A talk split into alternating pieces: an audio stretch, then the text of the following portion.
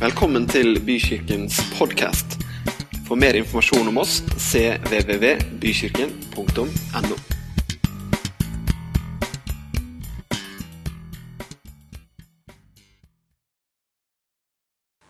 Dere, da skal vi dele Guds ord sammen. Og hvis du har en eh, bibel, så finn gjerne den fram. Hvis du eh, har den på telefonen, så er det faktisk ganske så fullgodt, det også. Det viktige er i grunnen at du også kan se noe av det som vi leser sammen. Gjennom alle tider så har det vært eh, et spesielt folk en spesiell type mennesker som på mange måter har vært en motkultur, som har sett det som ikke andre ser, eller sett det som andre ser med andre øyne. De har sett omstendighetene, men de har også sett noe som er lengre. Dere, Det er faktisk ikke nordmennene jeg snakker om. Det er heller ikke vikingene jeg snakker om. Men det finnes en type mennesker som alltid opp gjennom historien har vært der, og som er våre forbilder, som er der faktisk til etterfølgelse som et eksempel for oss. De forbildene de er der fortsatt. De er der i dag. Og det finnes også ferskere versjoner av de gamle forbildene. Men de står der som noe vi kan strekke oss etter, bli inspirert av og styrket av. Og er det ikke akkurat det vi trenger da? Å oppleve ny styrke, å oppleve nytt mot, å oppleve at vi midt i en vanskelig tid eller krevende tid, og det har vi alle fra tid til annen i varierende grad, så finnes det faktisk ny styrke og nytt mot. Og vet du hva? Det er ingenting Gud heller vil gi enn akkurat det. Han ønsker, han vil gi oss det vi trenger.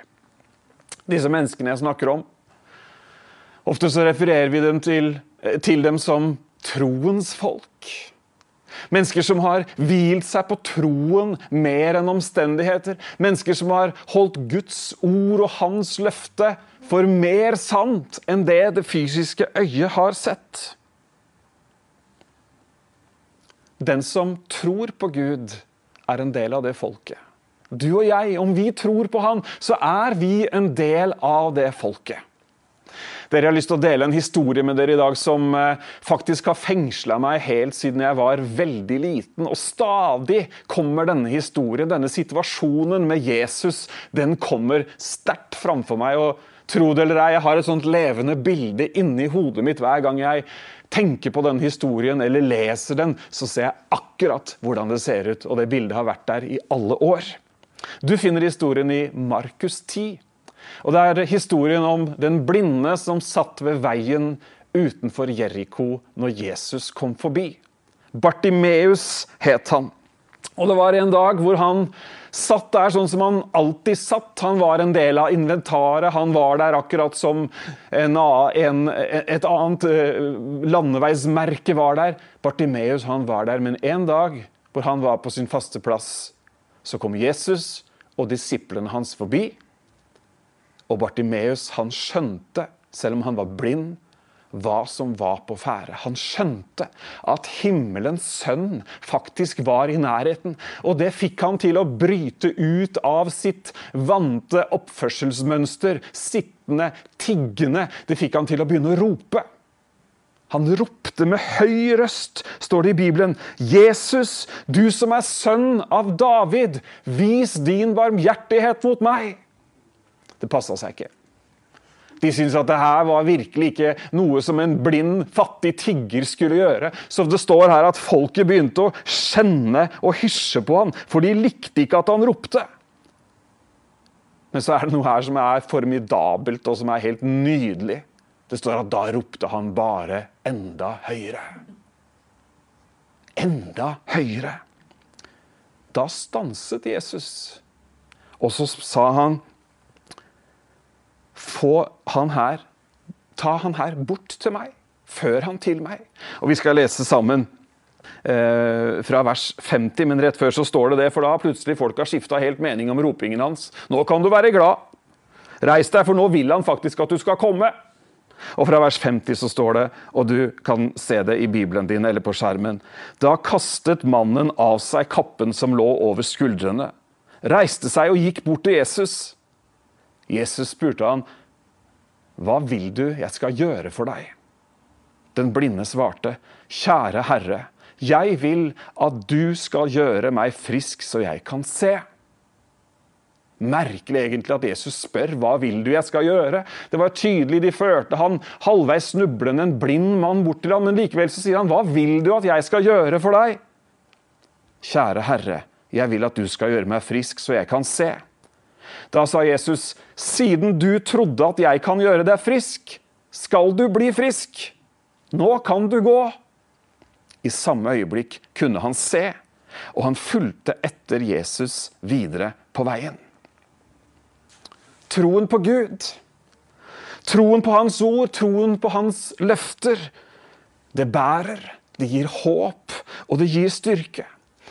Og Jeg har så lyst til å peke på nettopp denne historien for deg i dag, sammen med et annet vers, fordi at denne historien er ikke ment å forbli en søt søndagsskolehistorie, hvor vi kan se for oss Bartimeus, hvor vi gjør eh, litt moro ut av at han ropte høyere og høyere, men det handler om en holdning til Gud som gjelder deg og meg i dag. Bartimeus lærer oss noe viktig. Det, ikke bare det at han roper, ikke det, ikke det at uh, nødvendigvis at man er blind, eller, men poenget er at vi har noen behov som Gud kan møte, som han vil møte. Og jeg skal ta deg med til et vers som er ganske kjent, som står i Hebrebrevet kapittel 11, som handler nettopp om hvordan Gud ønsker å gjøre noe for oss. I Hebreerne 11 Hebreerne 11 er jo troskapittelet i Bibelen. Der leser vi om Noah og Sara og Abraham og alle disse heltene som var troens folk, som jeg nevnte helt til, helt til å begynne med. Og så er det en definisjon av tro. Og så står det noe om tro i kapittel 11 og vers 6, som jeg har lyst til å lese. og Jeg leser fra Hverdagsbibelen. Og det står Derfor er det umulig å bli godtatt av Gud uten å tro på ham. Den som kommer til Gud, må tro at han er til, og at han belønner den som søker han med iver. Uten å tro. Vet du hva det ordet 'uten' I en annen oversettelse står det 'uten tro er det umulig å komme fram til, eh, framfor Gud'. Det der ordet 'uten' det, er, det har egentlig sin opprinnelse i et ord som ligner veldig, som er 'utenfor'. Geografisk utenfor. Altså På den andre siden av en grense. Hvis du er utenfor et rom, så er du på den andre siden av dørterskelen. Hvis du er utenfor Norges land, da har du mest sannsynligvis havna i Sverige eller et eller annet annet land. Men altså, hvis du er utenfor troen, så er det ganske umulig å være til behag for Gud. For den som søker Gud, må tro at han er til, og at han lønner den som søker han med iver. Bartimeus trodde at Gud var til. Han hadde det ikke som en barnetro som han pussa støv av i ny og ne. Nei, han trodde at Gud var til. Noen må ha sagt noe. Jeg tenker på Bartimeus, og noen ganger har jeg sett for meg han Bartimeus som en liten gutt. Noen må ha tatt han med til synagogen. Noen må ha satt seg ned ved middagsbordet, kanskje mammaen eller pappaen, og fortalt om denne Gud som alltid har omsorg for folket sitt, og denne Gud som har en plan om at det skal komme en Messias, at det skal komme en redningsmann. For når redningsmannen kommer, så vekkes noe i Bartimeus som gjør at ja, jeg tror at du er til. Derfor så roper jeg jeg tror det var det som fikk Bartimeus til å rope enda høyere. For det faktum at Gud var til stede, at han eksisterer her og nå, det var mye viktigere enn hva folk skulle finne på å si til ham. Bartimeus trodde. Hvis du spør mennesker i dag tror du på Gud, så sier ganske mange mennesker ja. Noen sier 'jeg har en barnetro'. Det er alltid litt interessant, i hvert fall for meg som pastor, da man blir litt sånn yrkesskada. Hva er denne barnetroen? Er denne barnetroen eh, visse tradisjoner som man tar fram eh, annenhver høytid? Eller er det noe som er etablert i eksistensen vår? Jeg tror at hvis du skal oppleve virkelig å være, har gått over fra å være utenfor til å være innenfor, til å tro at Gud eksisterer, da er Gud noe mer enn et juleservise som man tar fram en gang i året. Da er Gud en levende realitet innenfor det området du er, i det rommet, om du vil. Da er han en størrelse, da har han en plan, da har han en vilje. Da sier han noe, da preger det livet. Da betyr det som Gud sier, er og gjør, da betyr det faktisk noe i ditt liv. Hva tror du om Gud? Mange svarer at de tror på Gud. Men hva tror du om Gud? Gud er ikke en udefinerbar størrelse. Ja, jo, han er utenfor vår fatteevne. Han er større, han kan gjøre mer, han er mektigere og alle de tingene. Men det er også veldig mange ting som vi kan vite om Gud. Hans vilje har blitt åpenbart det så vi når Jesus kom til jord. At Gud har eh, de beste hensiktene for de menneskene som søker Han, det er det ingen tvil om i det hele tatt. Derfor er det umulig å bli godtatt av Gud uten å tro på Han. Den som kommer til Gud, og jeg tror jo at du har kommet til Gud, eller at du ønsker å komme til Gud, da må du tro at Han er til. Og så må du tro en ting til, som Bartimeus også trodde. Bartimeus han trodde at hvis jeg nå er ivrig, sånn som forfatteren av Hebrebrevet sier, at man søker han giver. Hvis jeg er bare ivrig nok, så tror jeg faktisk at han kommer til å gjøre noe. Hva da? Jo, han kommer til å belønne meg. Vi må tro at han er til. Tror du at han er til? Og vi må tro at han er den som belønner den som søker han med iver. Det er ikke sånn lottospill rundt hva Gud ønsker. Nei, Gud ønsker å belønne den som søker han med iver. Og vi ser Bartimeus bli ivrig. Han blir så ivrig at det blir politisk ukorrekt. Han blir så ivrig at det bråker. Men han vil, han roper, 'Jesus, du sønn av David, miskunn deg over meg!' Få ham bort dit, sier Jesus. Hva vil du jeg skal gjøre for deg? Kjære Herre, at jeg må bli frisk, sånn at jeg får synet igjen. Dere, det er viktig, det her. Man kan ha en tro på Gud som en eller annen størrelse et eller annet sted der ute som man føler man ikke har noe kontroll på i det hele tatt. Eller så kan man gå fra å være utenfor til å være innenfor, til å regne med Guds eksistens i hvert åndedrag du tar, om du vil. Nå klarer vi ikke å gå rundt og liksom tenke på Gud hver, hvert eneste, men han er til stede.